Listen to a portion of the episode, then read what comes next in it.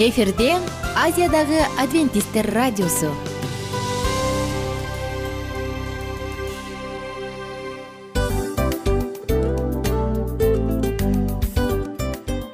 Достор салют.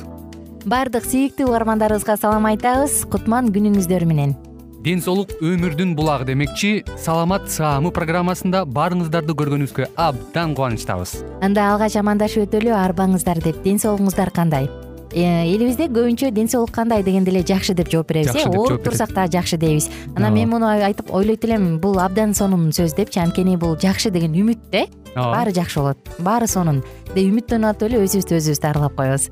Анысы кандай? Сиздин дагы ден соолугуңуз жакшы беш деген үмүттөбүз чындыгында ден соолук бул өмүрдүн булагы деп бекеринен айтылган эмес деп ойлойм. Кыргыз элинде анткени эгерде ден соолук жок болсо анда адамдын жашоосунда калган баардык керектүү маңыздуу нерселер өзүнүн баалуулугун жоготуп коет. Ошондуктан ден соолук бул эң керектүү нерсе. Ооба туура айтасың кесиптешим. Чынында ден соолугуң жок бир эки үч күн ооруп калсаң эле э кандай болуп калат? Жашоодо көз каранды болуп каласың көп нерсеге жетишпей каласың көп нерсени кыла албай каласың жада калса эшикке дүкөнгө да чыга албай каласың. Туптуура анан ден соолук болсо демек биз биздин бактыбыз тотой деп койсок болот. Анда достор саламат саамы рубрикабызды баштайлы. Алдыда өзүңүзгө керектүү болгон сонун кеңештерди уга аласыздар. Мына ошондуктан биз менен бирге болуңуздар. Ал эми биз болсо милан жана айнура. Кеттик алга. Алга саламат саама ден соолуктун жарчысы. Саламат саама ден соолуктун ачкычы. Күн сайын сиз үчүн мыкты кеңештер сонун жаңылыктар кызыктуу фактылар. Биздин рубрикада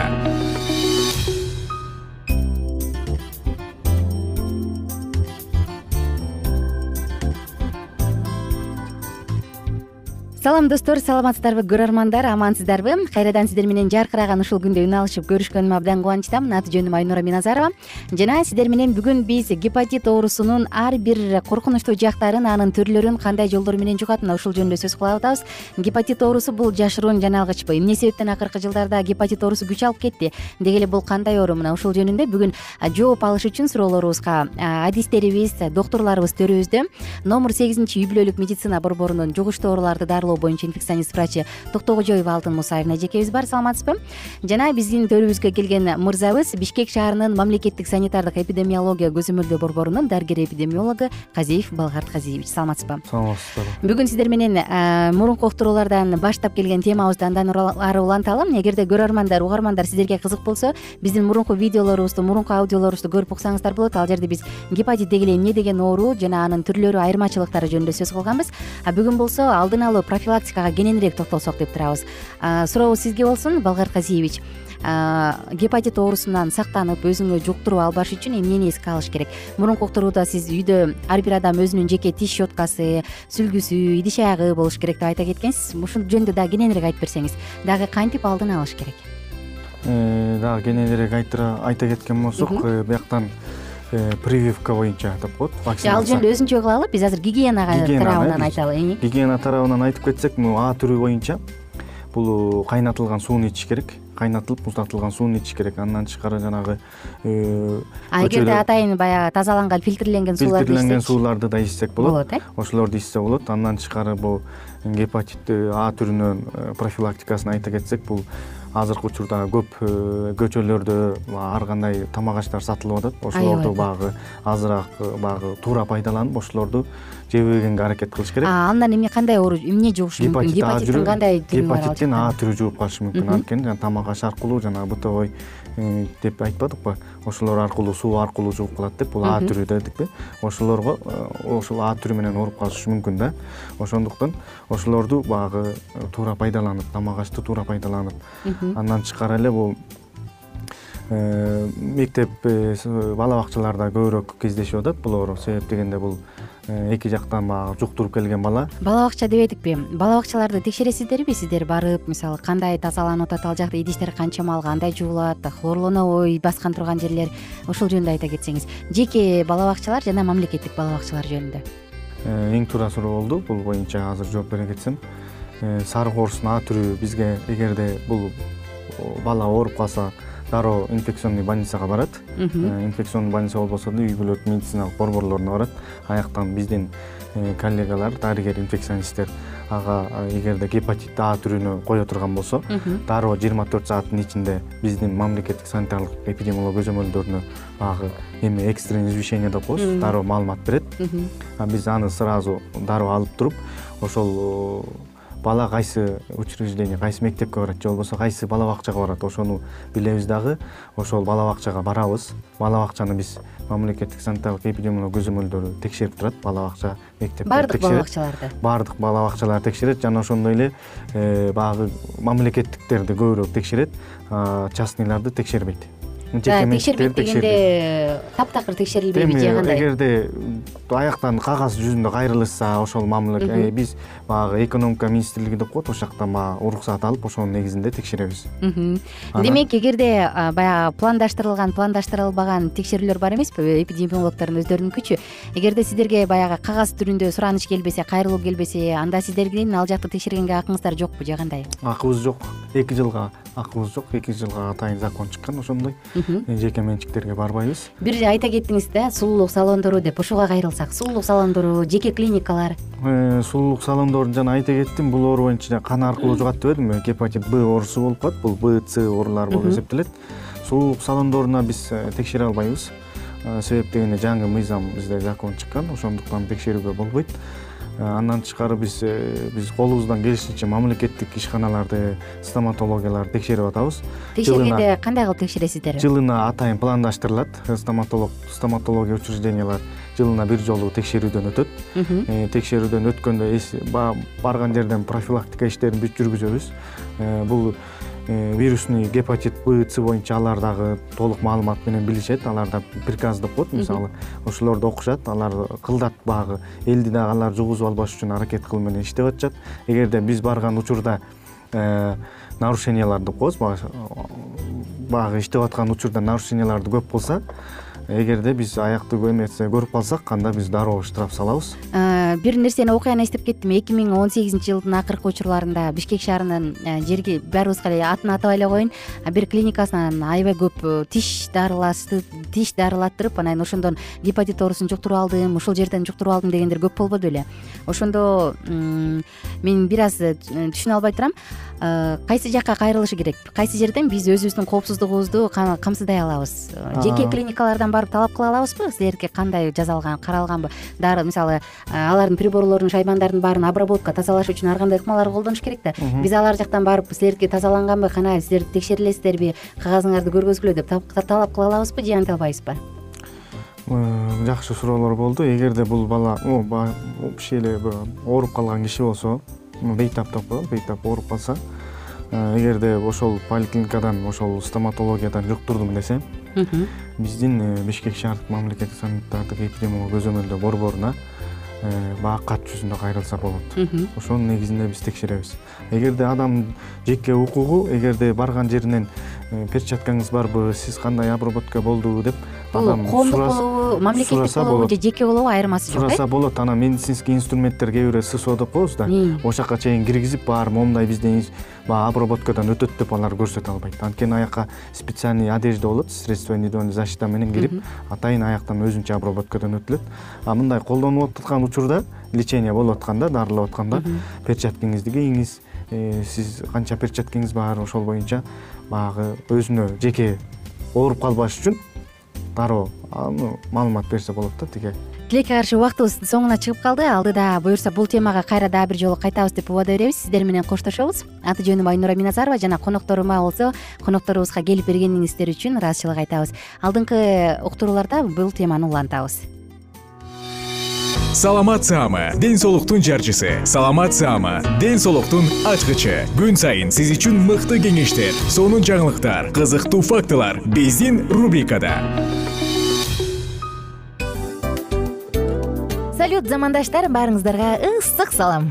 Дил маек программабызга кош келиңиздер. Дил маек рубрикасы дегенде эле бул эмне болгон дил маек ким менен маектешебиз деп сурайт болуш керек угармандарыбыз бул рубриканы кыскача тааныштыра кете турган болсок ар тарап кесип ээлеринен болгон сонун интервью кеңештер бар. Ооба. Жылдыздар менен болгон маек бар.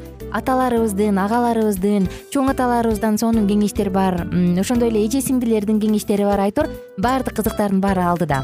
Негизи эле адам баласы бир кимдир бирөөнө ишенип сырын ачкысы келет эмеспи э? Мындай баарлашууга жакын келебиз го. Албетте негизи бир жерге отуруп алып кенен шашпай баягы жүрөктөн жүрөккө ачып сырларыбызды ар кандай көйгөйлөрүбүз менен бөлүшүп баягы чын жүрөктөн маек курганды кимибиз сүйбөйбүз э? Ооба десең ал нерсеге суусап да келебиз да. Ооба кээ бирде адамга чындыгында баягы э, ысык маек баягы жылуу маек жетишпейт да. Ошондуктан биз ушул рубриканы ойлоп тапканыбызда эң биринчи эле достор сиздер менен чын жүрөктөн бир маңыздуу темаларды козгоп кеткени э, кааладык. Ошондуктан ушундай сонун бир рубриканы тартуулап жатабыз. Анын үстүнө радио дагы сонун дос да анткени э, мындай учурда досуңа айтсаң досуң досуна айтат досу досуна айтат да анан бүт өлкө билип калышы мүмкүн го.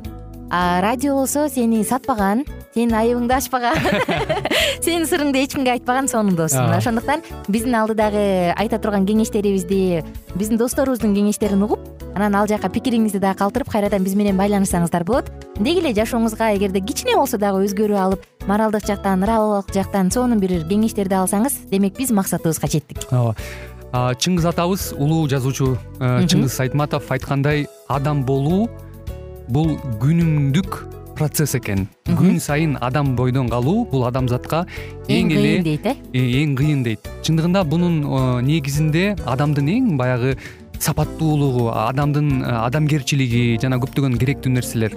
Мына ошол темалар дагы бизде э, ушул дил маекте биз аларды да козгойбуз. Ден соолук жөнүндө да сүйлөшөбүз. Сөзсүз түрдө анан милан мырза негизи айтып коюшат го. Биз көбүнчө эмнени ойлонсок ошол нерсеге карата иш кылабыз го. Ооба. Анан анысы кандай? Балким бул радио баракчада кимдир бирөөнүн оюн текшергенге жардам берет кимдир бирөөнүн жүрөгүн текшергенге жардам берет. Балким кимдир бирөөгө жашоонун маңызын тапканга жардам берет айтор кызыктын баары алдыда бул жөн гана кыскача жарнама анда угармандарыбыздын баардыгын кийинки рубрикабызга чакырабыз. Ал эми кызматта маңдайымда отурган кесиптешим милан жана мен айнура. Анда эмесе биз даярдаган терең терең ойлор менен таанышууга кеттик. Алыс алыс баралык. Анда эмесе достор биз менен бирге болуңуздар. Алдыда эң кызыктуу маалыматтардын баардыгы бир нече мүнөттөр бою жалгыз гана сизге арналат мына ошондуктан жакшы маанай менен угууну каалайбыз. Үн алышканча. Жөнөдүк. Ар түрдүү ардактуу кесип ээлеринен алтын сөздөр жүрөк ачышкан сыр чачышкан сонун маек дил маек рубрикасында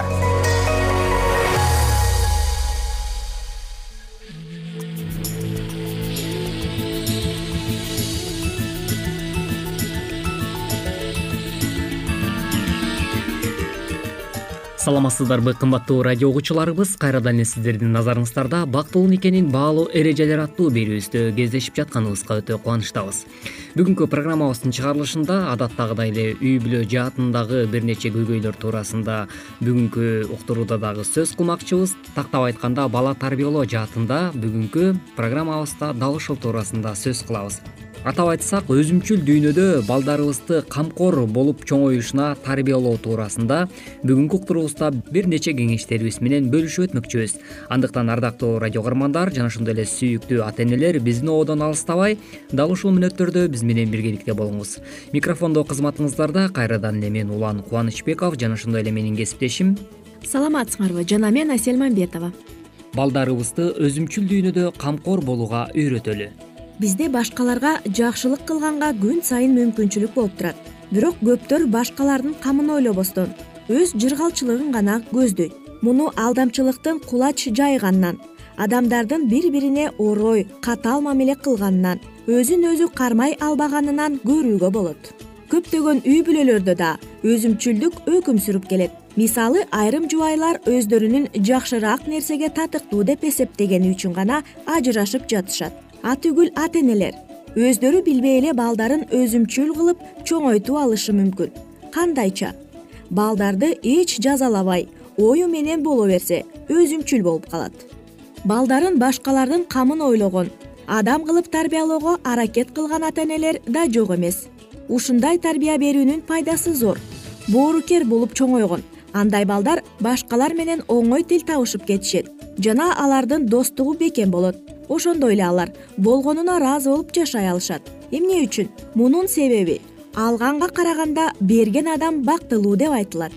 Ошондуктан кадырман радио угуучуларыбыз жана ошондой эле сүйүктүү ата энелер сөзсүз түрдө биз балдарыбызды тарбиялоо жаатында дагы аларды келечекте камкор болууга башкача айтканда боорукер болууга дагы үйрөткөнүбүз абдан маанилүү болуп саналат экен адатта мисалы кээ бир үй бүлөлөрдө балдарды өзүмчүлдүккө көбүрөөк үйрөтүп кое турган болсок алар келечекте башкаларга эч кандай пайдасын келтирбестен тескерисинче өзүнүкүн гана көздөгөн инсандардын катарын толуктап калышы толугу менен мүмкүн.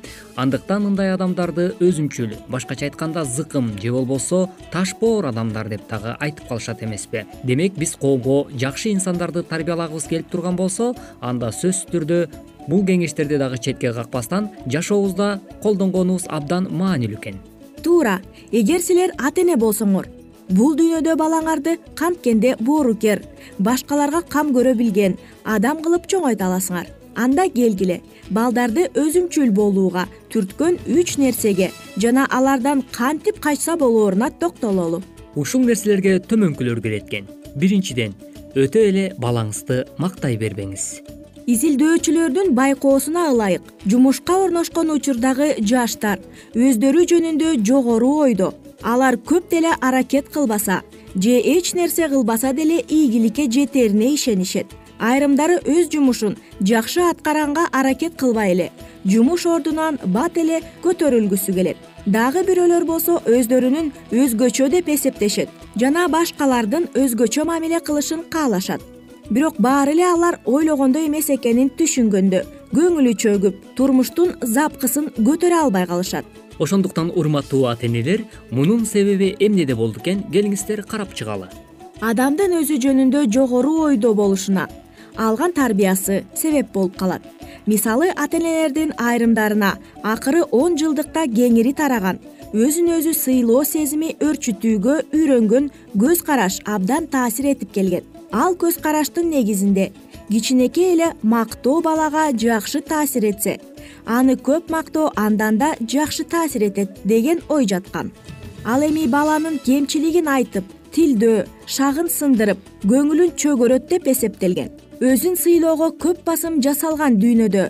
Балага өзүн өзү сыйлоо сезимин өөрчүткөнгө жардам берген ата эне өз милдетин жакшы аткарбаган ата эне деп сыналып келген. Ата энелерге балдар эч качан өздөрү жөнүндө жаман ойдо болбошу керек деген сыяктуу ойлор айтылган.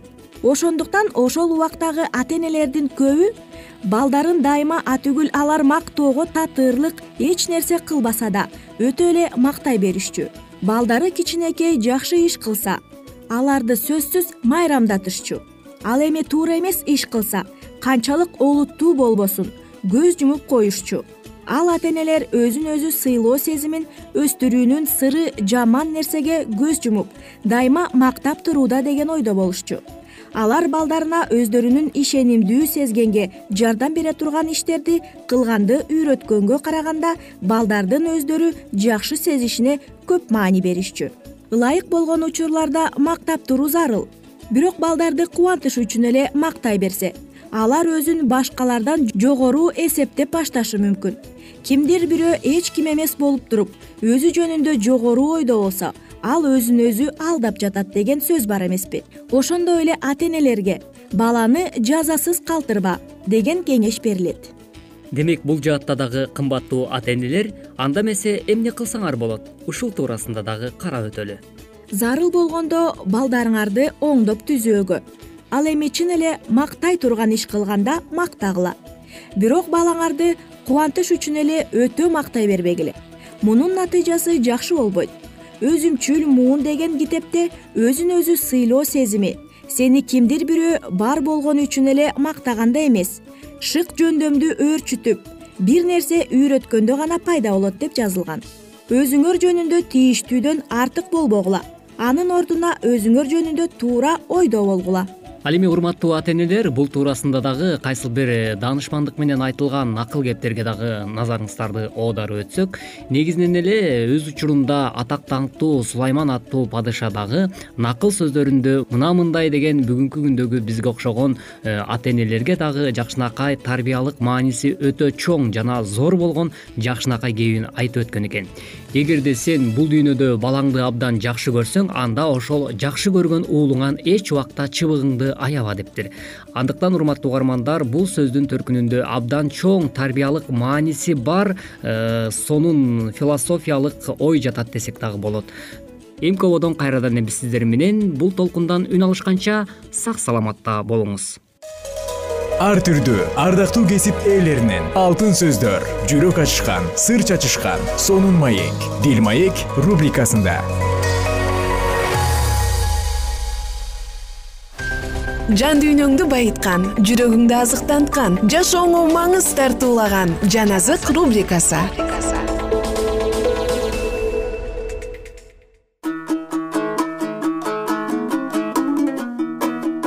саламатсыздарбы достор? Жалпыңыздар менен амандашып саламат рубрикасынан кийинки орун алган биз жан азык рубрикасын дагы баштаганга учур келди жалпыңыздар менен забур китебин окуп жатканбыз жана бул китепти окууну андан ары улантабыз. Алдыдагы мүнөттөр сиз үчүн эң жагымдуу учурлар болсун. Жетимиш жетинчи забур он тогузунчу аяттан тарта. Кудайга каршы сүйлөп чөлдө кудай дасторкон даярдап бере алмак беле дешти. Бирок ал ташты урганда суу чыгып ага баштады. Кудайдан бере алмак беле ал өз элине эт бышырып бере алмак беле дешти. Муну теңир угуп катуу каарданды. Жакыпка каршы от жалындап күйдү. Кудайдын каары ысрайылга каршы бет алды.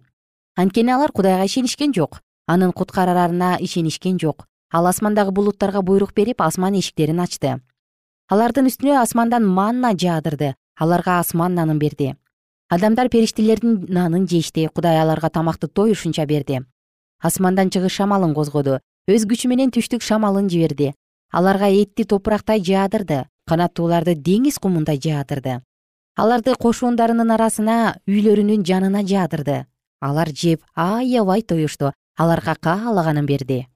Бирок алардын каалоосу каана электе эле алар тамактарын жута электе эле аларга каршы кудайдын каары келип алардын барандууларын өлтүрдү. Ысрайылдын жигиттерин сулатты.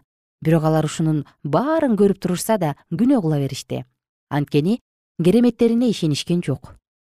Ошол үчүн кудай алардын жашоо күндөрүн түйшүктүү кылып жашоо жылдарын дүрбөлөңгө түшүрдү. Кудай алардын өлтүрө баштаганда алар кудайды издей башташты. Кудайга кайрылып таң азандан кудайга жалынышты. Кудай өздөрүнүн баш калкалар жайы экенин бардыгынан жогору турган кудай өздөрүнүн куткаруучусу экенин ошондо эстешти. Ооздору менен ага кошомат кылышты тилдери менен анын алдында калп айтып жатышты жүрөктөрү болсо анын алдында таза эмес эле.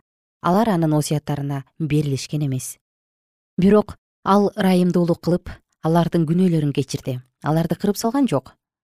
Көп жолу каарын кайт кылды. Көп жолу өзүнүн бүт жалын козгогон жок. Кудай алардын кетсе кайрылып келбей турган адам экенин жел экенин эске алды. Алар чөлдө аны канча жолу каардантышты эч ким жашабаган жерде аны канча жолу ачуулантышты кудайды кайрадан сынашты ысрайылдын ыйыгына акырат келтиришти. Алар анын куткарган колун анын эзүүдөн куткарган күнүн унутушту анын мисирде жасаган кереметтерин жана соан талаасындагы ажайыптарын унутушту алар суу иче албай калыш үчүн кудай алардын дарыялары менен өзөндөрүн канга айландырды. Аларды чактырыш үчүн курт кумурскаларды өлтүрүш үчүн курбакаларды каптатты алардын өстүргөн өсүмдүктөрүн кырк аяктарга алардын эмгегин чегирткелерге жем кылды. Алардын жүзүмдөрүн мөндүр менен тыт жыгачтарын муз менен талкалады. Алардын бодо малын добул менен майда малын чакылган менен кырды. Аларга өзүнүн каарынын жалынын ачуусун жаалын жана алааматын каптатып кыйратуучу периштелерди жөнөттү. Өзүнүн каарын кандыруунун жолун тапты. Алардын жанын өлүмдөн сактаган жок малдарына жугуштуу оору каптатты. Мисирдеги бардык тун балдарды хам чатырларындагы бардык күч башаттарын өлтүрдү. Анан өз элин койлордой алып жөнөдү аларды чөлдө койлордой алып жүрдү. Аларды коопсуз алып жүрдү. Алар коркушкан жок. Алардын душмандарын болсо деңиз басып калды. Аларды өзүнүн ыйык жерине өзүнүн оң колу менен ээлеп алган ушул тоого алып келди. Алардын алдынан элдерди кууп жиберип алардын жерин аларга мурас кылып бөлүп берди. Ысрайыл урууларын алардын үйлөрүнө киргизди. Бирок алар бардыгынан жогору турган кудайды дагы сынашты капалантышты анын мыйзамдарын сакташкан жок. Ата бабаларына окшоп туруксуз ишенимсиз болушту. Кайып кеткен жебедей артка кетишти. Өздөрүнүн бийик жерлери менен аны каардантышты таш буркандары менен анын кызганычын козгошту. Кудай муну угуп катуу каарданды. Ысрайылга аябай ачууланды кудай шилода турган үйүн адамдар арасында өзү жашаган жайын чатырын таштап кетти. Өзүнүн чебин туткунга өзүнүн даңкын душмандардын колуна салып берди. Өз элин кылыч мизине салып берди өз мурасына ачууланды элдин жигиттерин от жалмады. Анын кыздарына арнап нике ырларын ырдабай калышты. Ыйык кызмат кылуучулары кылычтан өлүп жатышты жесирлери ыйлабай калышты. Бирок теңир уйкудан ойгонгонсуп шараптан суулук албай жаткан алптай болуп ордунан туруп келди да анын душмандарын артка качырды түбөлүккө уятка калтырды.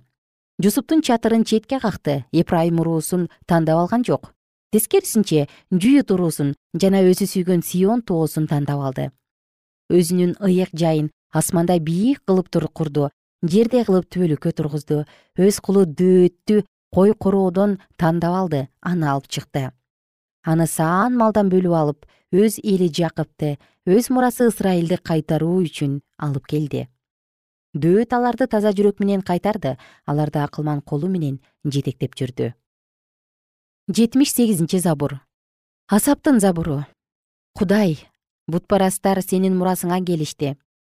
Сенин ыйыгы ыйбадатканаңды булгашты иерусалимди урандыга айландырышты. Сенин кулдарыңдын өлүктөрүн асмандагы куштарга жем кылышты сенин ыйыктарыңдын денелерин жырткычтарга жем кылышты. Алардын кандарын иерусалимдин тегерегиндеги суудай агызышты. Аларды көмөр киши болгон жок.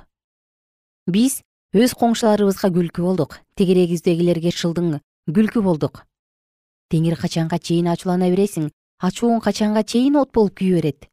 Өз каарыңды сени билбеген элдерге сенин ысымыңды чакырбаган падышачылыктарга төк анткени алар жакыпты жутушту анын үйүн кыйратышты ата бабаларыбыздын күнөөлөрү үчүн бизди жазалаба бизге кечиктирбей ырайым кыл. Анткени биз аябай алсырап калдык. Кудай биздин куткаруучубуз. Өз ысымыңды аңталышы үчүн бизге жардам бер бизди куткар.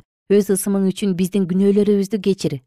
Бутпарастар булардын кудайы кайда деп айтышпасын? Кулдарыңдын төгүлгөн каны үчүн биздин көзүбүзгө өч алган бутпарастар арасында белгилүү болсун. Сага туткундун онтогон үнү жетсин. Өлүмгө кыйылгандарды өзүңдүн кудуретиң менен куткар. Теңирим сага акырат келтиришкени үчүн биздин кошуналарыбызды жети эсе жазала ал эми биз сенин элиң сенин жайытыңдагы койлоруң сени түбөлүккө даңктайбыз сенин даңкыңды укумдан тукумга жарыялайбыз. Кымбаттуу достор кийинки уктуруубузда забур китебин мындан ары улантабыз. Ага чейин үн алышканча